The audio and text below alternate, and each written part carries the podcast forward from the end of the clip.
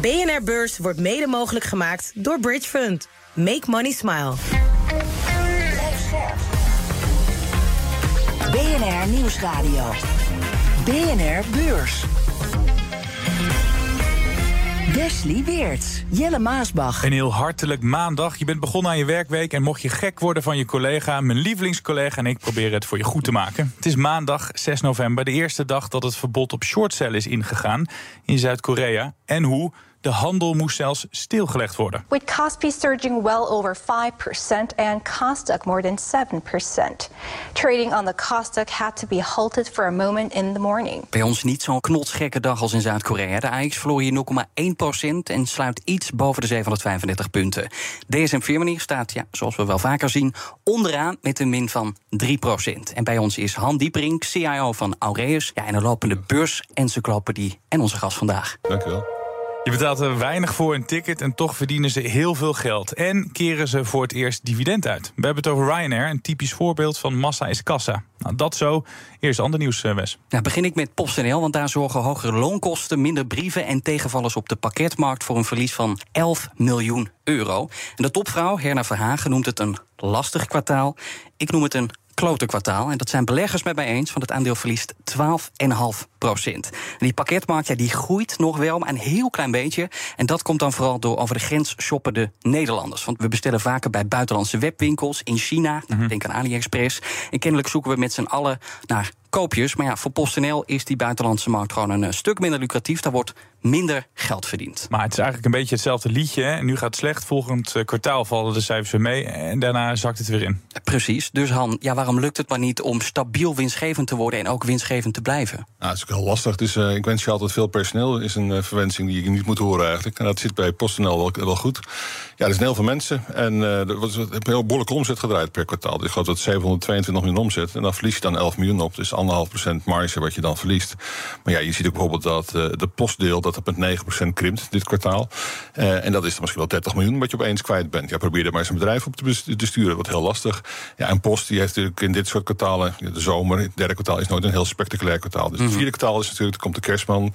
Dan, uh, dan gaat het hard. Dan gaat het 90 miljoen uh, halen als het goed is. Moeten ze op die 100 miljoen uitkomen die ze voor het hele jaar hebben beloofd. Inderdaad, je zei het al, Sinterklaas, de kerstman... die moet PostNL gaan redden. Ja. Maar ik zat ook even naar de CFO van PostNL te luisteren. Pim Berendsen. En ja, toen werd ik ook niet super enthousiast van wat hij zei. Nou, dus zeker uh, onzekerheid in de markt over de volumeverwachtingen. Dat zien we ook bij onze grote klanten. Maar niettemin, uh, alle seinen staan op groen om nou van het vierde kwartaal wel uh, een behoorlijke volumestijging te zien. En hij zei hoge kosten voor personeel, brandstof en energie, die blijven. Nou ja, ja goed, dus ook in dat vierde kwartaal. Ja. Gaan ze hun doelstellingen halen? Nou, dat hangt natuurlijk van het vierde kwartaal af. Dus, uh, heb je er vertrouwen in? nou ja, op zich is de consument die wil wel besteden. Dus dat, is, dat blijft nog wel. Dus je ziet dus dat ook internationaal dat het wel goed draait.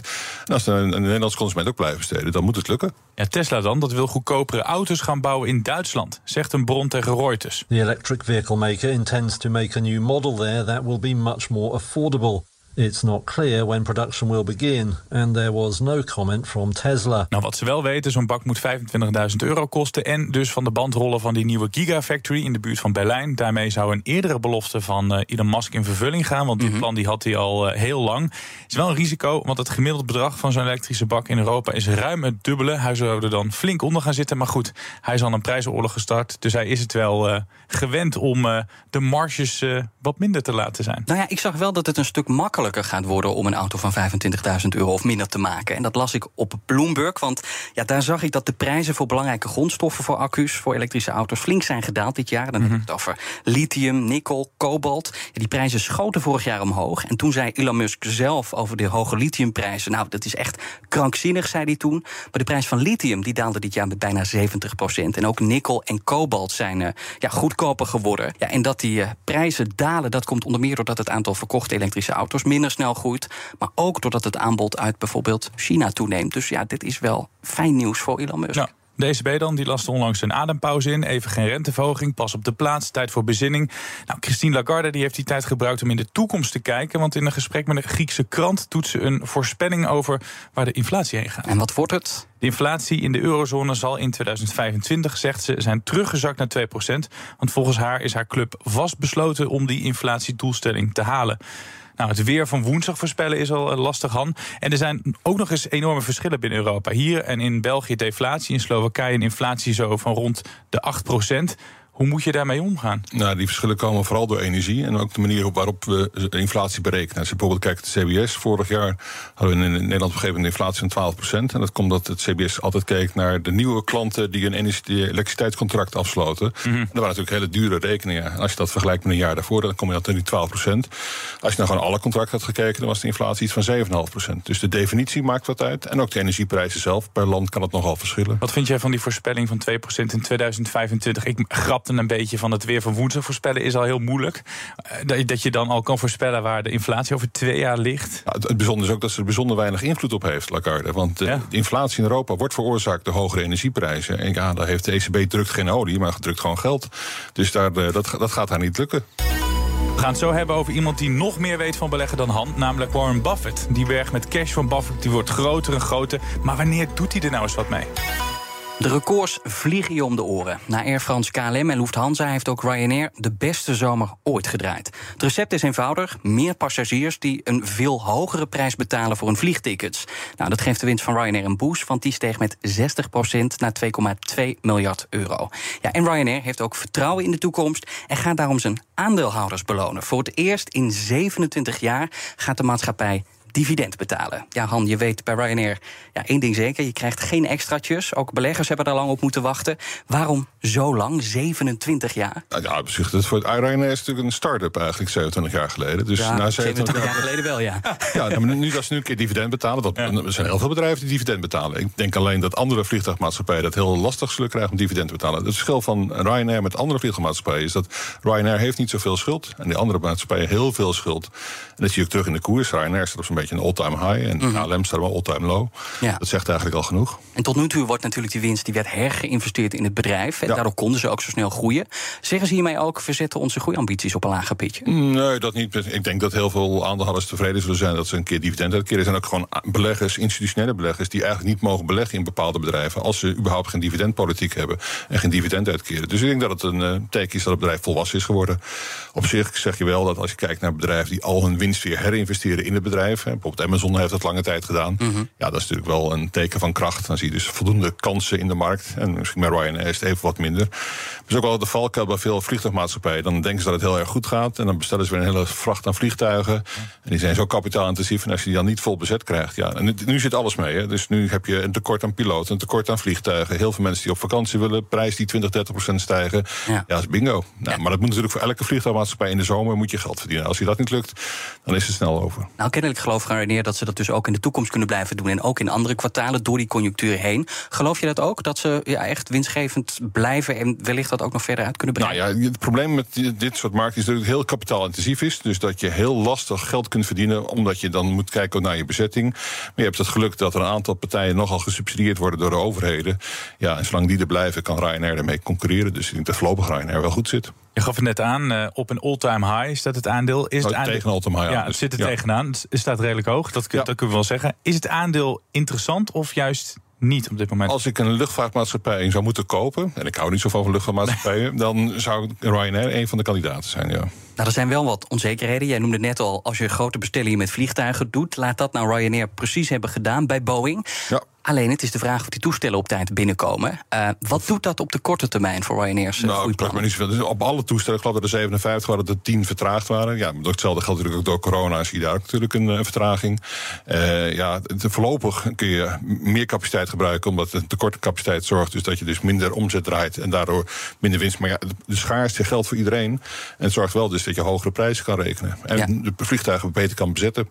Dat zie je bij Transavia ook. Dus de een na het andere vliegtuig valt uit. Maar ja, de bezetting is fantastisch. -hmm. ja, je ziet inderdaad ook allemaal recordcijfers. Air France, KLM, Lufthansa, nu dus ook Ryanair. Uh, hoe lang houden ze dit vol? Uh, ik denk dat het nog wel even aanduurt. Als je bijvoorbeeld kijkt in China, die heeft natuurlijk drie jaar in de lockdown gezeten. Dan zie je dus dat het aantal piloten feitelijk is gehalveerd. Dus China die kan niet eens op volle capaciteit draaien, omdat het gewoon de piloten niet zijn. Die hebben niet de vlieguren gemaakt. En ik denk ook zeker dit soort kapitaalgoederen, dat duurt even voordat je die allemaal geleverd krijgt, voor de piloten opgeleid zijn. Dus het kan best wel een jaar of twee nog duren. Ja, toch kan ik me ook voorspellingen herinneren. Uh, nou, toen in de coronapandemie. En toen werd er gezegd door allerlei experts. Nou, het kan zeker tot 2025 duren voordat die luchtvaartsector hersteld is van corona. Nou, we zitten nu in 2023. 2020. En het is al uh, ja, beter dan, uh, dan hiervoor bij een aantal luchtvaartmaatschappijen. Waarom gaat dat herstel zoveel sneller? Nou ja, dat zie je ook natuurlijk in de horeca en in hotels en dat soort zaken. Iedereen wil op vakantie. Iedereen wil toch de beleving hebben na, zeg maar, corona, dat het eindelijk een keer uit kan. En het is vrij lang dat het volhoudt, dus uh, het is opvallend. Nu is Frans Timmermans eh, weg uit uh, Brussel, maar hij was natuurlijk die klimaatpaus. Hij wilde Europa verduurzamen. Is dat niet een groot risico? Dus mensen die, die vluchten, Wesley is er zo één, met Ryanair binnen Europa uh, Als het afleggen. Als het lekker goedkoop is, dat daar op een gegeven moment wel een einde aan moet komen. Omdat we dan bijvoorbeeld de trein moeten stimuleren? Ja, ik zie nu nog niet meteen dat einde komen. Maar er zullen ongetwijfeld meer mensen met de trein gaan. Maar dan moet je dan nog wel die capaciteit hebben. Ja, voorlopig, kijk, het deel van de prijs van de vliegtuigen is maar brandstoffen. Dat is niet het grootste deel. Het grootste deel zijn de lonen. En natuurlijk het vliegtuig zelf. Dus ja, het kan wel zijn dat de prijzen een keer gaan stijgen. Want die zijn natuurlijk vanzinnig goedkoop als je kijkt naar de brandstofprijzen. Maar ik geloof niet dat het heel veel impact zal hebben op de vliegtickets en op het vlieggedrag. Nou, kan voorlopig dus nog goedkoop blijven vliegen. Jij zei net al, ik ben geen fan van de luchtvaartsector. Durf je het wel aan, beleggen in, in, in de luchtvaart? Ik zou het niet zo snel doen, maar dat komt meer door het type bedrijf. Dat het heel kapitaalintensief is. En dan is het heel moeilijk om daar winst op te maken. Dus dat is voor, voor beleggers niet zo interessant. BNR Beurs. We gaan naar Wall Street. Nou, uh, dat houdt niet over. De Dow Jones staat 400ste van een procent in de plus. De S&P 500 staat uh, onveranderd. De Nasdaq heeft dan wel net een winstje van een uh, tiende van een procent. Ja, we wisten al dat een deel van het personeel van Citigroup... binnenkort een ontslagbrief zou krijgen. En nu weten we om hoeveel mensen het gaat. De bank wil minstens 10% van zijn werknemers ontslaan. En die ontslagen die vallen bij een aantal grote afdelingen... meldt CNBC zojuist. En Citigroup ja, staat ook onder druk om maatregelen te nemen... want de bank blijft achter bij concurrenten. En dat zie je ook terug in de beurskoers. Want die is sinds begin dit jaar, die van Citigroup, met ruim 8% gedaald. En die van JP Morgan, eh, concurrent, die zag de koers juist dik 6% stijgen. Ja, we hadden het net over Tesla. Dat gaat dus goedkope Europese modellen bouwen. Althans, dat belt uh, persbureau Reuters. Beleggers die hadden er aanvankelijk zin in. Maar de koers is daarna in een uh, glijvlucht uh, geraakt. Oh, 1,3% in de min. BNR Beurs. Hij is 93 en heeft 157 miljard dollar gespaard. Ik heb het over Warren Buffett en zijn investeringsfonds Berkshire Hathaway. Hij heeft een goed kwartaal achter de rug, waardoor zijn geldvoorraad een nieuw record heeft aangetikt. Maar Buffett heeft nog altijd geen investering gevonden, waardoor de meeste miljarden in kortlopende staatsobligaties zijn gestopt. Ja, wat zegt het Han dat eh, Buffett eh, in de obligaties vlucht? Ja, eigenlijk groeit dat, uh, dat die geldstapel al sinds de millenniumwisseling. Dus dat is al een ruime periode. En het lange tijd het heeft er niks opgeleverd, maar nu levert het echt wat op. Als je in Amerika kijkt, dan krijg je ruim 5% op uh, liquiditeiten. En als je kijkt naar wat dan het uh, aanvangsrendement is, bijvoorbeeld obligaties, dat is ook zo'n beetje 5%. Ja, als je dat vergelijkt met het, wat je op de aandelenmarkt haalt, ja. het, het winstrendement, ja, dat is iets onvergelijkbaar 5%. Dus het dividendrendement ligt daar nog wat onder. Dus als hij het in kas houdt, dan krijgt hij meer inkomsten uit zijn portefeuille dan als hij het in bedrijf belegd. Dus ja. Hij heeft heel lang laten liggen en toen deed het geld niks. Nu doet het wel wat. Maar laten we eens kijken wat hij met dat uh, gigantische bedrag kan. Want we hebben wel vaker besproken dat hij dit enorme soort van geldpakhuis van dagen beduk heeft. Wat hij zou, uh, ermee allemaal zou kunnen volgens jou? Nou, wat hij nu de laatste tijd wel gekocht heeft, zijn oliemaatschappijen. Die zijn natuurlijk waanzinnig goedkoop. Uh, in de markt neemt allemaal afscheid. En hij probeert dat geleidelijk van posities in, in uit te bouwen. Uh, hij is natuurlijk sowieso al dat hij vrij veel in energie belegt. Want ja. hij heeft natuurlijk ook die, die spoorwegmaatschappijen heeft hij. Maar hij heeft ook allerlei andere pijpleidingen en alternatieve energie, windmolenparken enzovoorts. En, en daar is hij al vrij, vrij fors in. Uh, hij kan natuurlijk altijd nog een stukje Apple bijkopen, want daar heeft hij ook een groot belang in, dus in de portefeuille. Dus, uh, Wordt het dan niet te groot als hij nog meer Apple gaat bijkopen? Ja, nou ja, wat is dan te groot? Is, zou je dan een bod moeten doen om het hele bedrijf? Zo erg is het ook weer niet natuurlijk. Dus, nee, toch kan ik me voorstellen dat je dan misschien te veel op tech bent, of in dit geval op energie. Dat is geen risico dat je te veel op die sectoren. Nee, het voordeel daarvan is dat hij zich prima hedge tegen de hogere inflatie. Dat is, dat is hem erg ja. goed gelukt in de afgelopen jaren. En waar hij natuurlijk de laatste jaren ook actief is, is in Japan. En heeft hij al meerdere keren erg grote successen gehaald door de Japanse handelshuizen. En als je daarnaar kijkt, denk je, ja, waarom koop je dit bedrijf? Maar ja, dat is echt typisch uh, value. Dus undervalued, underloved, underresearched. Ja. Het is echt een bedrijf wat uh, ja, niemand naar kijkt en wat dan heel spotgoedkoop is en opeens heel erg goed doet. Nou, dat Warren Buffett het gekocht heeft, dan valt het natuurlijk iedereen op. Dus, uh, maar ik, uh, misschien heeft hij iets groots in gedachten. Dus uh, misschien dat hij bijvoorbeeld Shell zou kunnen kopen in, in Nederland. En dat, dat hij dat dan naar de Amerikaanse beurs brengt. Zou dat een serieuze optie zijn, dat Warren Buffett nou ja, Shell gaat Je ziet dat Europese energiemaatschappijen, de oliemaatschappijen, dat die ondergewaardeerd zijn. Omdat zeg maar, de overwinsten dan worden afgeroomd. Dus dat is ook een reden. En ze zijn ook niet meer geliefd bij beleggers. De meeste mensen die in Shell beleggen, die willen er graag uit. Omdat ze natuurlijk voor de energietransitie zijn. En het probleem met Amerikanen Amerikaanse oliemaatschappij helemaal niet. Dus als Buffett het opkoopt en dan plaatst in Amerika, dan uh, heeft hij meteen een stukje koerswinst uh, te pakken, omdat het een hogere waardering daar krijgt. Nou, hij weet al jaren dus niet wat hij met het geld aan moet doen. Uh, Han Diebrink uit, uit Nederland geeft hem nu een tip. Als, als hij dus naar Shell zou kijken, dan zeg je nou, dus eigenlijk helemaal geen slechte overname. Nee, ik denk dat het prima past in zijn portefeuille. Dus als je kijkt wat hij al, al heeft en dat hij dat samenvoegt, ik denk dat het heel goed zou passen. Ja. Welke beurs is interessanter voor hem, de Amerikaanse of Shell, de Europese? Ik denk dat het interessant is wat hij het meeste gekocht heeft de laatste tijd in Japan. Omdat het daar dus echt value is. Ja, ja, maar hij is natuurlijk in principe een Amerikaanse belegger. Dus daar, is, daar, daar voelt hij zich thuis. Dat, die, die rapporten kan hij lezen. En want hij wil natuurlijk graag wel, wel weten waar hij in belegt. Dus, ja. Uh, ja. En dan wacht hij natuurlijk ook op een uh, koopje, maar vooral ook op een, een recessie. En die, die recessie komt hij nog binnen een jaar. Nou ja, een recessie, dat, ik, kijk, de recessie, ik denk niet dat daar heel veel van de koers afgaat. We hebben twee grote recessies gehad, maar die werden veroorzaakt door deflatie. Toen waren we bang voor een schulden-deflatiespiraal. En dan moest de economie gestabiliseerd worden. Hadden we hele grote maatregelen nodig, met het, geld naar nul, de rente naar nul, kwantitatieve verruiming enzovoorts, om de, dat voor elkaar te krijgen. En toen zakte de koers met 50%. Nu moet de inflatie bestreden worden en dan zie je typisch meer dan zo'n 30% koersdaling. En misschien hebben we die eigenlijk al gehad in de tijd, omdat de koers al 2,5 jaar niet beweegt. Wat natuurlijk een echte opsteker voor hem zou zijn in dit geval, is dat er een soort financieel ongeluk gebeurt. Waar op een gegeven moment de grote, waar hij soort als lender of last resort op kan inspelen. Wat hij Toen met in het, uh, dat hij in het verleden wel vaker gedaan heeft. En je ziet nu de discussie over de, de green bail-out. Hè, dus dat er nogal wat energiebedrijven, alternatieve energiebedrijven aan het omvallen zijn. En de een naar de ander. Ja, daar zou hij opeens kunnen ingrijpen. Bijvoorbeeld, uh, nou, je hebt vorige week gezien met uh, Siemens Energy. Dat natuurlijk 16 miljard bij moest van de Duitse staat. Nou, als er nog als het nog een paar keer gaat. Het is ook vrij kapitaalintensief natuurlijk, de alternatieve energie, de energietransitie. Als je in één keer dan ingrijpt op het moment dat er het door, alles door het putje gaat, ja, dan kan hij heel veel belang nemen. Ja, want hij zegt altijd het bloed moet door de straten lopen, maar het lijkt er meer op dat het een bloedneusje wordt. Ja, dan moet je maar eens kunnen toeslaan. Ja, het, het, is met deze rente die al aan het stijgen is, al een tijdje dat mensen aan het kijken zijn... waar blijft nou die grote klapper met betrekking tot die, dat financiële ongeluk? Hè? We hebben het vorig jaar gezien eventjes bij de Britse pensioenfondsen dat het fout ging. Begin dit jaar was het met de, de bankencrisis in de VS, wat een beetje weggemasseerd is. Maar de rente is nog steeds hoog. Het is wachten tot het moment dat er ergens iets fout gaat. Jij zegt net al, Han, iets interessants. Sinds de millennial, uh, sinds de eeuwwisseling eigenlijk... zit hij met een berg met geld dat alleen maar meer waard wordt. Loopt op, ja. ja. Hij is 93. Gaat hij dat geld nog uitgeven voordat hij, nou, laat ik het zo zeggen, stopt met werken? Ik denk niet dat Buffett dat allemaal gaat uitgeven. Nee. nee. nee dus hij is niet zo'n big spender. Dus nee, dus een opvolger die mag dat nee, doen. Ja, als hij een goede beursdag heeft, dan gunt hij zichzelf iets extra bij het ontbijt bij de McDonald's. Als het een slechte beursdag is, dan doet hij dat niet. Dus, uh... En de aandeelhouders, wat vinden die ervan? Neemt daar de druk toe en zeggen die inmiddels, ja, ga eens wat nieuwe aankopen doen? Uh, nou, de aandeelhouders zeggen soms van eens dat ze ook zijn eigen aandeel zou kunnen inkopen. Want als je dat toch niet weet, koopt dan in ieder geval je eigen aandeel. Dan zorg je ook voor een stijgende winst. waarom doet hij dat niet? Nou, daar is hij ook niet een groot fan van. Hij heeft misschien in het verleden wel een beetje gedaan, maar niet echt dat hij zegt. Uh, hij wacht liever hij is liever inderdaad de lender of last resort. Of op het moment dat er iets een grote crisis is, dan stapt hij erg graag in. Dan, heeft hij, dan kan hij de koelte bewaren om op het juiste moment in te stappen. En het is niet dat hij dat nu voorspelt of zo, dat zegt hij ook niet.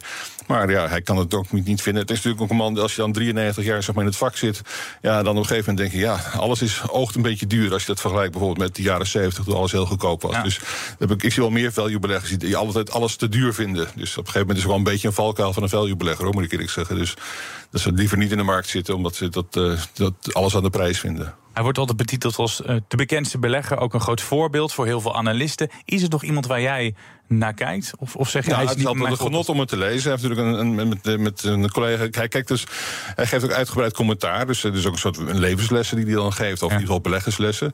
Het knappe ook van Buffett is dat hij 99% van zijn vermogen heeft verdiend na zijn 65 Dus dat ook, zegt ook wat voor mensen als je nog wilt doorwerken naar je pensioen.